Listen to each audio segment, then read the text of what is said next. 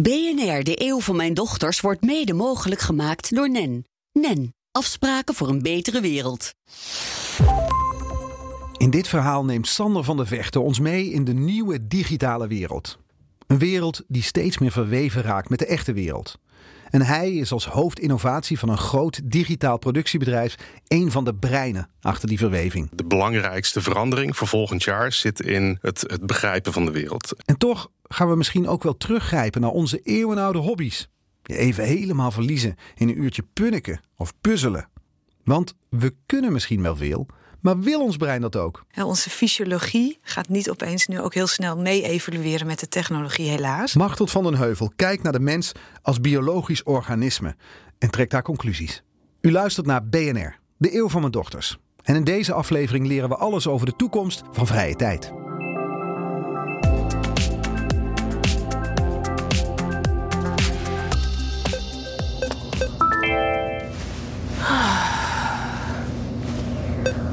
Welcome to your journey. Sit back, close your eyes, and relax to enjoy this the most.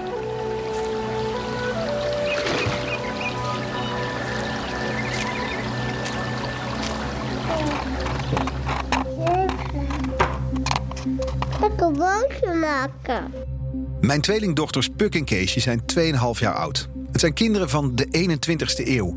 Een eeuw waarin alles in beweging is. We leven niet in een tijdperk van verandering, maar in een verandering van tijdperk.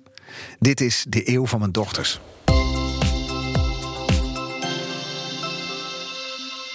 Mijn naam is Sandra van der Vechten. Uh, ik ben het hoofd van uh, Mediamonks Labs. En dat is een onderdeel van het bedrijf Mediamonks, een digitaal productiebedrijf hier in Nederland. Aan jou de vraag: hoe zoeken mijn dochters straks hun ontspanning? Je dochters zoeken ontspanning uh, in een combinatie tussen fysiek spelen en een digitale wereld.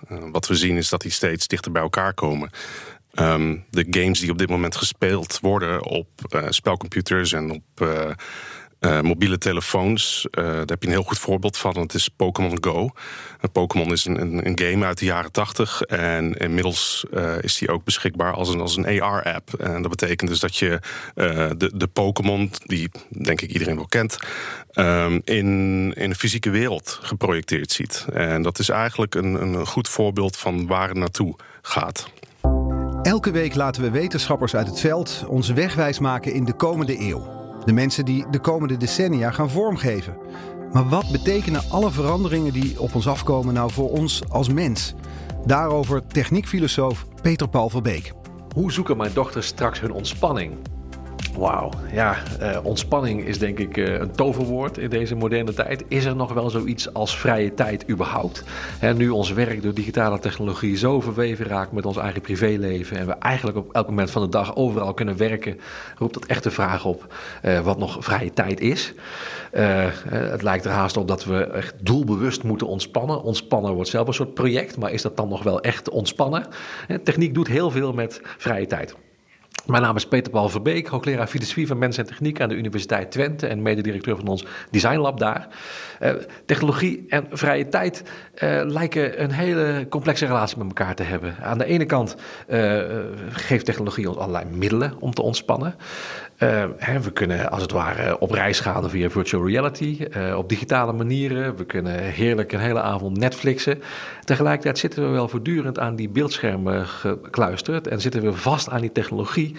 Waarbij het blijkt dat mensen ook vaak pas echt ontspannen als ze uh, hun blik echt op de wereld zetten en een bredere zintuigelijke ervaring hebben dan alleen maar iets van een beeldscherm te kunnen aflezen. Hoe kunnen we dat soort uh, ontspanning uh, veiligstellen in onze samenleving? Hoe kunnen we mensen die ervaring laten blijven hebben dat er meer is dan het contact met die digitale wereld? Ervaring van natuur is al heel vaak aangetoond, maakt mensen gelukkig, rustig, gezond. Op een of andere manier moeten we dat, denk ik, overeind zien te houden in onze digitale wereld. Daarnaast is ontspanning van mensen ook echt een vorm van jezelf realiseren. Net zoals het werk. Cultuur, theater, sport, manieren om als het ware iets van jezelf te maken, iets van je leven te maken, van je relaties met anderen te maken. En uh, naarmate arbeid en vrije tijd steeds meer in elkaar uh, overlopen, wordt zelfverwerkelijking op zichzelf misschien een apart thema. Wat in ons werk een rol speelt, maar misschien ook in onze vrije tijd. Althans in de dingen die niet direct zeg maar, productief zijn voor de baas, of als je je eigen baas bent, voor jezelf. En hoe geven we vorm aan onze zelfverwerkelijking los van de arbeid waar we in zijn verwikkeld? Ik ben benieuwd naar de antwoorden die mijn medewetenschappers zullen geven. We gaan onze ontspanning ook steeds meer zoeken met technologie. Volgens Sander gaan we een mix krijgen van de digitale en de echte wereld. Hij neemt ons mee. Op dit moment is dat een laagje die er gewoon overheen geprojecteerd wordt. Maar hoe meer rekenkracht we dadelijk in ons zak hebben, die uh, kan begrijpen waar je naar kijkt, uh, hoe meer het kan interacteren. Dus op dit moment kunnen we de vloer en de muur herkennen. Maar als wij alle verschillende objecten die je voor je ziet heel goed kunnen begrijpen en segmenteren, dan kunnen digitale objecten er echt mee spelen. Ze stuiteren tegen, want ik zie hier voor me een laptop en een, een microfoon en een, een monitor. Als ik een balletje heb, uh, dan is het op dit moment uh, rolt hij gewoon. Zonder dat hij doorheeft of er iets in de buurt zit. Maar als je begrijpt wat voor onderdelen op tafel liggen, dan kan hij er tegenaan ketsen. En Stuitert hij tegen die laptop aan? Juist, ja, ja, ja, daar gaat het heen. Dus het wordt steeds echter en echter? Ja, absoluut. Zie je het al een beetje voor je? Ben nu al heel benieuwd naar wat meer praktijkvoorbeelden. En dat is nog maar een voorbode van wat er ons in de toekomst te wachten staat. De belangrijkste verandering voor volgend jaar zit in het, het begrijpen van de wereld. En om je een voorbeeld te geven, um, als, als een, een camera is zeg maar de lens die de wereld inkijkt. En daar overheen plak ik een digitale wereld. En um, als die digitale wereld dus wil, wil uh, spelen met de omgeving, dan moet je eigenlijk elke mogelijke omgeving die je ziet, moet je kunnen begrijpen. En dat, dat kost een hoop rekenkracht. Dus om een voorbeeld te geven. Um, als ik een auto op straat zie, dan moet ik ten eerste weten of er überhaupt een auto in mijn beeld zit. Vervolgens moet ik een, een, een lijntje, een silhouet eromheen trekken om het te segmenteren. En vervolgens heb ik de data die nodig is om uh, een, een, een, digitaal object er tegenaan te laten springen, maar ook de achterlangs te kunnen. En dat achterlangs kunnen, dat betekent dus dat die verdwijnt. Dat betekent dat een fysiek uh, voorwerp eigenlijk voor het digitale object zit. En dat betekent dus dat, er, dat het digitale object, wat technisch gezien altijd erbovenop geplakt wordt, een stukje afgesneden moet worden om je de indruk te wekken dat hij ergens achterlangs gaat. En dit moet allemaal berekend worden? Ja, dat gebeurt ongeveer 60 keer per seconde. Dus dat, zijn, dat is heel veel rekenkracht. Um, uh, en, en, en dat gaat volgend jaar gebeuren. Dat, omdat we dan zover zijn qua, qua kwantumkracht, of hoe, hoe heet het dan? Ik nou, de quantum computing ja, is uh, nee. een ander ding. Maar, maar hoe, hoe, hoe, noemen we dit, dat dit volgend jaar kan? Um, dit heet uh, occlusion. Occlusion. Ja. En heb, uh, dit, is, dit, dit kunnen jullie straks of dit kunnen we wereldwijd? Dat kunnen we wereldwijd. Je hoort dat ik je werkelijk nul verstand van heb, hè? Nou, nee, dat is niet erg. Ik probeer het een beetje uit te leggen dat je, en je hebt een dat je begrijpt. Ja. Dank daarvoor. nee, dat is uh, geen probleem. Dat is mijn werk. Maar um, uh, ja, dat, daar komt het wel op neer. We, we dus volgend jaar is het zo dat als wij een, een, een laag zien over de wereld... Uh, en we spelen dus, hè, we spelen dat een spel of we gebruiken die laag voor wat dan ook op onze telefoon, dan is het zo dat het min of meer live die 60 keer per seconde kan berekenen of een auto in beeld verdwijnt of er iemand voor doorloopt. Juist. Eigenlijk, het wordt nog realistischer dan nu. Het wordt nog realistischer. Is het dus nog van echt te onderscheiden? Um, ja, nog wel. En dat heeft eigenlijk te maken met hoe uh, licht op digitale objecten valt. Dus het berekenen van licht, wat ook heel erg ingewikkeld is en, en heel veel rekenkracht kost. Um, dat is het grote verschil uh, om, om iets realistisch uit te laten zien. Hm. Dus als ik, als ik mijn camera pak en ik kijk naar buiten, dan kan het donker zijn of licht zijn. Of iemand kan een hele grote rode lamp op iets schijnen. Alles heeft effect op hoe dingen uh, reflecteren. Mm -hmm. Dus mijn digitale object, die, die moet ergens die informatie vandaan halen. Dus die kijkt naar de omgeving. Die kijkt van deze auto is voor een groot deel blauw. Maar ik zie ook dat er rood gereflecteerd wordt, omdat de auto ervoor zijn remlichten aan heeft, bijvoorbeeld. Dus waar zijn die lichten? Waar is de auto? Hoe is de vorm? Uh, hoe botst het licht naar mijn object toe? En hoe moet ik vervolgens mijn object in gaan kleuren? En dat is eigenlijk de, de stap die we hierna gaan nemen? Ja, uh, dat heeft. De, de, de technologie bestaat, dus we weten ongeveer hoe het moet. Maar we weten dat de mobiele telefoon. Uh, eigenlijk nog te weinig rekenkracht heeft hm. om dit voor elkaar te krijgen. Dus de, de verwachting is dat dat 2021 tot 2022 dan kan je verwachten dat objecten echt opgaan in de omgeving. Ja. Als, we, als we heel even teruggaan, niet naar die twee jaar vooruit, maar naar nu. Wat, kun je wat projecten noemen waar jullie als bedrijf je nu al mee bezighouden? Ik heb gehoord ja. over Into the Wild, over een museum in Singapore. Kun, kun je ja. zelf wat voorbeelden geven? Ja, Into the Wild is een heel goed voorbeeld. Um, en eentje die een paar jaar geleden is gebeurd. Um, dit was eigenlijk voor de tijd dat AR, zoals we dat nu herkennen, beschikbaar is. Uh, Google die had destijds een ander apparaat bedacht die um, een aantal van die calculaties die wij dus nu softwarematig doen, op een hardwarematige manier eh, uitrekenen. Dus in plaats van alleen een camera waar je de informatie binnen had, had hij een tweede camera die infrarood was en een derde camera die diepte herkent en die eigenlijk een hele hoop werk voor je doet. Dus al die data werd beschikbaar gemaakt en die zorgt ervoor dat ik door dat museum kan lopen, eh, weet wat mijn huidige locatie is en eigenlijk eh, dat museum kan veranderen tot één grote jungle. Ehm, en het idee was dat de, de, de jungles van Sumatra die, die staan regelmatig in de fik en dat is een probleem. Als je in Singapore rondloopt, dan, dan ruik je het ook en je wil weten waar het vandaan komt. Dus in samenwerking met de WWF eh, hebben we echt een soort awareness campagne bedacht om mensen in, eh, door, de, door de brandende jungle te laten lopen. Om ze een idee te geven van dit is wat beesten meemaken. Eh, dit is wat een ranger meemaakt die het probeert op te lossen. En je ziet ook echt dieren. Je, Je ziet ziet dieren, het ja, vuur. klopt. Ja, ja, ja, ja. Al, en hoe ze erop reageren en hoe ze vluchten. En dan niet op een hele dramatische manier. Maar, Hoe reageert het publiek daarop? Ehm, ja, positief. Helemaal op het einde heb je de mogelijkheid om een zaadje te planten, ook in de digitale wereld. Dus er groeit een boom uit, die wordt gegenereerd en die is echt gekoppeld aan jou. Eh, en dan wordt er vriendelijk gevraagd: wil je misschien doneren, zodat we ook een echte boom neer kunnen zetten. Digitaal een boom planten. Het is fascinerend hoe je de echte en de digitale wereld met elkaar kunt combineren. Wat Sander en zijn collega's eigenlijk willen doen, is de wereld rijker en mooier maken. Nu kijk ik naar een gebouw, dan zie ik een gebouw. Straks kijken mijn dochters naar een gebouw en zien ze allemaal extra informaties, video's, hoe het vroeger was. Gaan mijn dochters onze huidige wereld niet oerzaai vinden straks?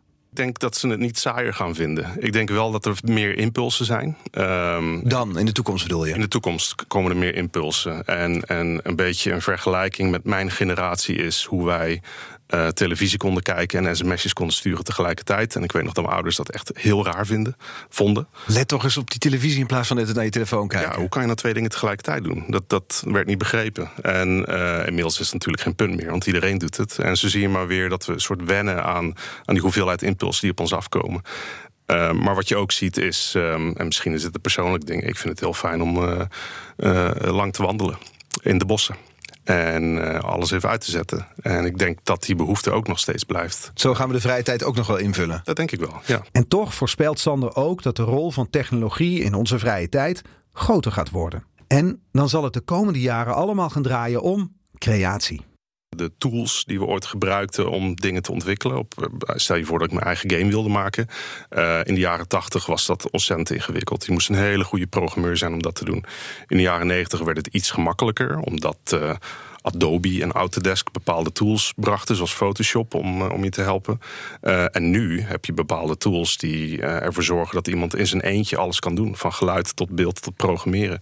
En dat heeft voornamelijk te maken met ehm, hoe, hoe laagdrempelig het is geworden. En dat zie je dan ook weer terug in de spellen zelf. Minecraft is het allerbekendste voorbeeld. Ja. Waarbij. Spreek mijn neefje nooit meer. Nou, die is alleen maar daarmee bezig. Precies. Maar je zult denk ik versteld staan dat hij inmiddels ook een, een, eh, een, eh, soort basic. eh, ehm, ik zit heel vaak in het Engels te praten. Dus ik moet Ja, je woont in. Zweden, dus het is soms switchen. Het is je vergeven. Ehm, dat hij, dat hij een, een goed begrip heeft van, eh, van programmeren hierdoor. Omdat een aantal dingetjes over hoe je deurtjes open en dicht doet automatisch, dat daar eh, de logica van programmeren in zit. En hij neemt het op zo'n speelse manier mee dat hij het waarschijnlijk niet eens door heeft. Maar het gaat hem wel helpen. Ja. En dat is wat ik in de toekomst ook zie. Het heeft steeds meer met creatie te maken. Dus niet zozeer met ik moet de beste tijd halen of de hoogste score. Ik wil mooie dingen maken en dat wil ik delen met andere mensen. Dat is wat je ziet. U luistert naar BNR, de eeuw van mijn dochters. En in deze aflevering leren we alles over de toekomst van vrije tijd. Interessant om te horen wat er allemaal mogelijk kan zijn straks. Ontspanning gaan we zoeken in de echte wereld en de digitale wereld en in een combinatie daarvan. Maar wat hebben we nu eigenlijk echt nodig om even uit te staan en niets te hoeven in die snel veranderende wereld? Psycholoog Machteld van den Heuvel legt het ons uit. mechanismes die nu gelden voor mensen en ontspanning, zullen dan nog steeds gelden. En dat heeft ermee te maken dat mensen eigenlijk, als je kijkt naar de eh, ontwikkeling, de evolutie, vrij langzaam zijn. Dus We zijn langzaam. Ja, wij zijn eigenlijk een vertragende factor in het hele technologieverhaal. Wij kunnen de technologie niet bijhouden, de innovaties. Nou, we proberen dat natuurlijk wel. Maar als je kijkt naar wat wij nodig hebben om gezond te zijn en goed te functioneren, dan eh, zitten daar ook echt rustmomenten in. Ehm, en niet alleen fysieke rustmomenten, maar ook cognitieve rustmomenten. En dus momenten dat je even geen informatie tot je neemt. En dat is nu al zo. En daar, ja, daar zijn nu ook natuurlijk veel mensen ook mee bezig. In die zin van hoe kunnen we voorkomen dat mensen opbranden. En niet alleen door werk, maar ook bijvoorbeeld door een heel vol sociaal leven. En dat zal in de toekomst nog steeds zo zijn. Ja, een burn-out, want dat lijkt een epidemie. Ja. Of is dat puur mijn eigen waarneming? Nou, daar zijn ook de meningen over verdeeld. Dus als je echt puur naar de cijfers kijkt, dan blijkt het dat. Ja, vroeger waren daar andere namen voor: overspannenheid, uh, surmenage, noem maar op. Uh, wat we wel zien als we kijken naar de cijfers, bijvoorbeeld van TNO en het CBS, is dat mensen wel steeds meer burn-out klachten rapporteren. Maar er is een groot verschil tussen klachten en echt een full-blown burn-out waarbij je je bed niet meer uit kan komen. -hmm. hoe, hoe belangrijk is ontspanning eigenlijk? Is ontzettend belangrijk. Ja, en dat gaat terug Voor op wat? een. Op een uh, dat is belangrijk om te kunnen blijven functioneren. En in die zin zie ik het ook altijd. Is het handig om ook een beetje naar de mensen te kijken als echt een biologisch organisme. En daar is een beroemd model dat heet het eh, Effort Recovery Model, oftewel het inspanning- uh, en herstelmodel. En dat is eigenlijk een oude wet. Na inspanning moet ontspanning volgen. En dat bedoel ik ook met het, dat we een beetje traag zijn in het mee-evalueren. Dat hebben we nog steeds nodig. En het lijkt er niet op alsof dat nu opeens. Hè, onze fysiologie gaat niet opeens nu ook heel snel mee-evalueren met de technologie, helaas. De technologie zorgt er eigenlijk voor dat we nu geen verloren minuut meer hoeven te hebben. Het maakt ons leven makkelijker. Maar grenzen worden ook steeds vager. Met speciale trainingen, mindfulness, proberen we, misschien wel krampachtig soms, onze aandacht ergens bij te houden ja, 25 jaar geleden hadden we dat niet. He, en dan was, het, dan was het ook echt zoals je thuis zat. Nou, dan kon je. Dan, dan zat je thuis en dan was je op je werk. Dan zat je weer op je werk. En dan, die, die grenzen waren veel duidelijker. En nu loopt alles door elkaar heen. Ja, ja. ja. en nogmaals, er zitten ook positieve kanten aan. Maar we hebben wel dat bewustzijn nodig van wat wij fysiek ook nodig hebben om te ontspannen.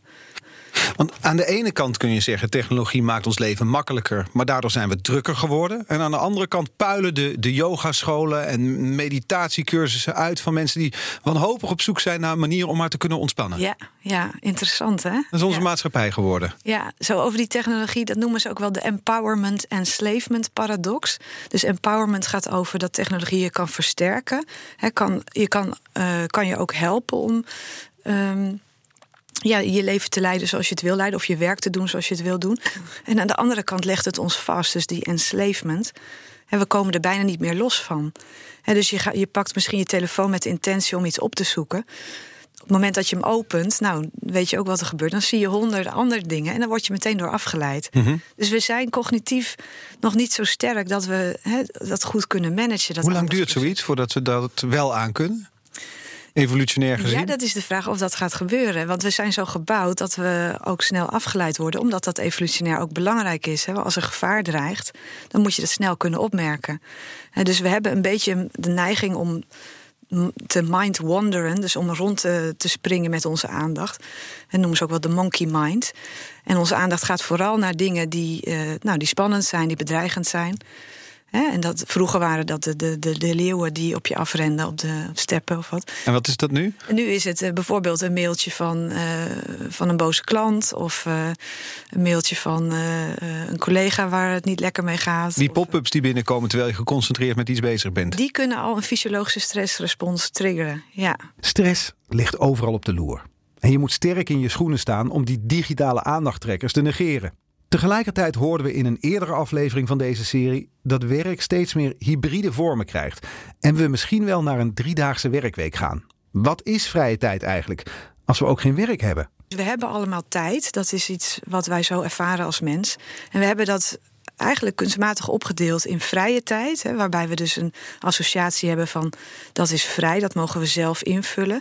Nou, dat, dat zelf kunnen invullen, dat zelf uh, willen invullen, dat is heel belangrijk voor mensen.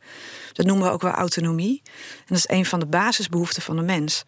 Nou, naast die vrije tijd onderscheiden we dan werktijd.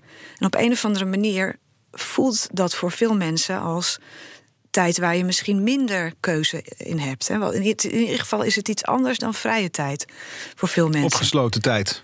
Opgesloten tijd. En ik denk dat het heel belangrijk is en ook interessant is, ook voor jouw dochters. Van, gaat, gaat dat veranderen in de toekomst? Hè? Dus komt er meer ruimte en gaan die grenzen tussen vrije tijd, wat we zo ervaren we zelf invullen, en werktijd, waarin je het gevoel hebt dat je iets moet opleveren. En nou lijkt het zo, uh, in, als ik kijk naar arbeids- en organisatieonderzoek, dat er wel steeds meer ruimte komt om ook te kijken van hey, hoe kunnen we werk tot iets maken waar mensen zich kunnen ontplooien, waar mensen zich kunnen uiten. En dat is ook een, een basisbehoefte voor mensen. Dus daar, daar lijkt wel iets in te veranderen. En maar ik denk dat mensen zelf daar ook iets in te doen hebben. Bijvoorbeeld deze mooie vraag die je stelt: wat is eigenlijk vrije tijd? Die kan iedereen ook aan zichzelf stellen. Mhm. Wat betekent het voor mij? Wanneer heb ik echt het gevoel dat ik iets uit vrije wil doe? Dat ik ergens helemaal blij van word zonder dat ik eh, daar iets voor terugkrijg wellicht. Dat noemen we dan intrinsieke motivatie. Ehm, en op die manier kan je ook zelf gaan kijken van hoe richt ik mijn leven in? Welke levensdomeinen zijn er? En is daar een beetje balans in? Of ben ik eigenlijk zo erg vergroeid met mijn werk dat als daar iets misgaat, dat ik me meteen ja, helemaal leegloop eigenlijk en geen buffer meer heb? Ik denk dat het laatste voor heel veel mensen geldt. Als je je leven als een taart beschouwt, dan is werk een heel groot stuk van die taart. Als het daar niet goed gaat, dan zit je meteen minder lekker in je vel. Om dat op te lossen moeten we volgens Machteld actief gaan nadenken over onze vrije tijd. En dat heeft zelfs een hippe term gekregen: leisure crafting. Het is eigenlijk een beetje een ondergeschoven kindje. Vaak uh, zie je dat als mensen eenmaal thuis zijn, dan ploffen ze op de bank en zijn ze al lang blij dat ze even niet hè, met hun werk bezig hoeven te zijn. Ja, luisteren naar BNR of kijken naar Netflix en dan was het dan wel zo'n beetje. Ja, ja, precies. En, en dat heeft ook weer te maken met het feit dat als je heel veel inspanning geleverd hebt, dan moet je ook ontspannen. En het is ook niet slecht om op de bank te gaan zitten. Maar ook een belangrijke reflectievraag van wat kan je in je vrije tijd doen om te werken aan je eigen, hè, om, om, om te kijken van ja, wat vind ik leuk? Waar wil ik me verder in ontwikkelen? En want als we kijken naar de psychologie, zijn dat bijvoorbeeld ook belangrijke basisbehoeften. Dus ook die behoefte om ergens goed in te worden, ergens mhm. beter in te worden. Uh, dus die keuzevrijheid te hebben. En ook maar wacht even, nu ben ik heel hard aan het werken. Ja. Dan kom ik thuis, dan heb ik mijn, mijn dochters, dan liggen ze eindelijk op bed. En dan moet ik s'avonds ook nog eens ergens goed in gaan worden. Ik ben al lang blij dat ik eens een keer op de bank zit. Ja, precies. Die, die voelde ik al aankomen. het leuke is van die theorie waar ik het over heb. Dus dat is een uh, model wat kijkt naar uh, herstel. Dus weer dat effort recovery model. En die zegt eigenlijk, er zijn twee pro processen die spelen. Aan de ene kant is, het, is er een proces waarbij je los moet komen van je werk. En dus psychologisch afstand nemen van je werk. En ook uh, ontspannen, relaxation, dus fysiek ook ontspannen. En dat is heel belangrijk. Maar er zijn nog twee dingen die belangrijk zijn. En dat is namelijk dat je in je vrije tijd het gevoel hebt dat je een keuze hebt, dus die autonomie. En ook dat je het gevoel hebt dat je iets kan doen, mastery noemen ze dat, iets kan doen om ja, jezelf, je talenten te gebruiken of jezelf Ehm, je eigen wie je bent in te zetten op een manier die jij leuk vindt, waar je energie uit krijgt. Daar word je gelukkig van als mens. Ja, daar word je gelukkig van als mens. En uh, wat wij dus aangetoond hebben in de studie is dat op het moment dat je op je werk niet voldoende ruimte hebt om zelf die, hè, die behoeftebevrediging uh, daaraan te voldoen via je werk, want werk is natuurlijk ook een heel mooi gegeven om daar wel aan te kunnen voldoen. Maar als dat niet lukt, dan kan je daar dus voor compenseren door activiteiten te zoeken in je vrije tijd. Waar je nou ja, enthousiast van wordt, waar je hm. iets van leert. En als we dat concreet maken, we hebben het dan over een taal gaan leren, een instrument leren bespelen. Waar, waar, waar moet ik aan denken? Ja, heel goed. Dat zijn, dat zijn allemaal dingen die je zou kunnen doen. Ik kan misschien mijn eigen voorbeeld geven. Ik uh, zing uh, weer in een band sinds een jaar ongeveer. En ik weet nog heel goed het moment dat ik aangenomen werd uh, bij die band. Dus dat, dat, dat ze me goedgekeurd hadden, zeg maar. En toen was ik zo blij. En toen voelde ik echt van, hé, hey, dit is een heel ander soort blijdschap dan als er op mijn werk iets goed gegaan is of als ik eh, op mijn werk iets uh, goeds presteer, zeg maar. En toen voelde ik ook echt dat dat geeft een soort positieve energie. Wat werkt als een buffer, waardoor je bepaalde lastige dingen op je werk uh, beter aan kan. Eigenlijk dus is het gewoon het ouderwetse woord hobby's waar ik nu naar luister, ja, dit betoog. Hobby's, ja, of ja. niet? Ja, hobby's. Ja, dat, heeft, dat is een interessant woord eigenlijk, hè, hobby's. Want voor sommige mensen klinkt dat ook een beetje oudbollig misschien. Nou ja, als kind heb je oneindig veel hobby's volgens mij. Ik had er wel voetbalplaatjes sparen en uh, weet ik weer, nou, sowieso voetballen überhaupt. Maar ik had van alles en dan ga je werken ja. en dan raak je je hobby's kwijt. Ja, jammer eigenlijk. Hè? Ja. ja, dus wederom, hè, als je daar nu iets mee wil doen, kan je nadenken over... En wat waren als kind mijn hobby's? Hè, en, en misschien is het Ik dan. kan moeilijk als volwassen man weer voetbalplaatjes gaan sparen, hoor. Nou ja, waarom niet? Dus, dus dat is inderdaad de vertaalslag van wat zat daar dan in wat je triggerde. Maar bijvoorbeeld, ehm, ik deed als kind paardrijden vond ik erg leuk. De laatste tijd denk ik daarover na van goh, zou ik dat weer eens gaan doen? Of eh, ja. Dus het is, het is natuurlijk kijken wat past er op dit moment bij je, wat zijn je behoeftes en ook hoe zit het met die levensdomeinen. Dus waar investeer je heel veel? Is dat vooral werk of is dat juist vooral gezin? En waar wil je, hoe wil je een andere balans creëren? Want het kan natuurlijk ook zijn dat je heel veel met je gezin bezig bent en eigenlijk ook weer andere capaciteiten van jezelf weer wil inzetten. Dat kan via betaald werk, maar dat kan ook via vrijwilligerswerk bijvoorbeeld. Maar ik, ik ga het weer even terug naar mijn dochters. Mijn dochters zijn nu 2,5 en groeien op in een wereld waarin technologie niet minder zal worden. Dus dat zal nog veel meer hun wereld vorm gaan geven dan bij jou en mij het geval was. Want ik weet niet precies hoe oud je bent, maar ik schat je in dat jij de dagen dat internet niet bestond nog kan herinneren. Ik Ja. in ieder geval wel. Ja. Van die lange zondagmiddagen als kind, dat je echt niks te doen had. Ja, heerlijk hè? Ja. Maar die bestaan niet meer straks. Ja, nou ja, misschien wel. Je maakt er nu al een programma over. Dus het is ook een kwestie van hoe bewust zijn we er van die waarde van die vrije tijd. Hè? Hoe bewust zijn we daar? En ik denk dat iedereen, als je het vraagt van hè, hoe zit dat met die vrije tijd? Wat vind je daarvan? Nou, heerlijk. Ik wou dat ik meer had, toch? Maar in werkelijkheid vullen we die vrije tijd in door naar een scherm te kijken. Door Ja. een serie 12 uur lang achter elkaar te zitten staren. Ja. Binge-watchen. Ja, dus dat bewustzijn dat eh, tv kijken en eh, dat dat wel fysiologisch ontspannend kan zijn, dat weten we ook uit onderzoek.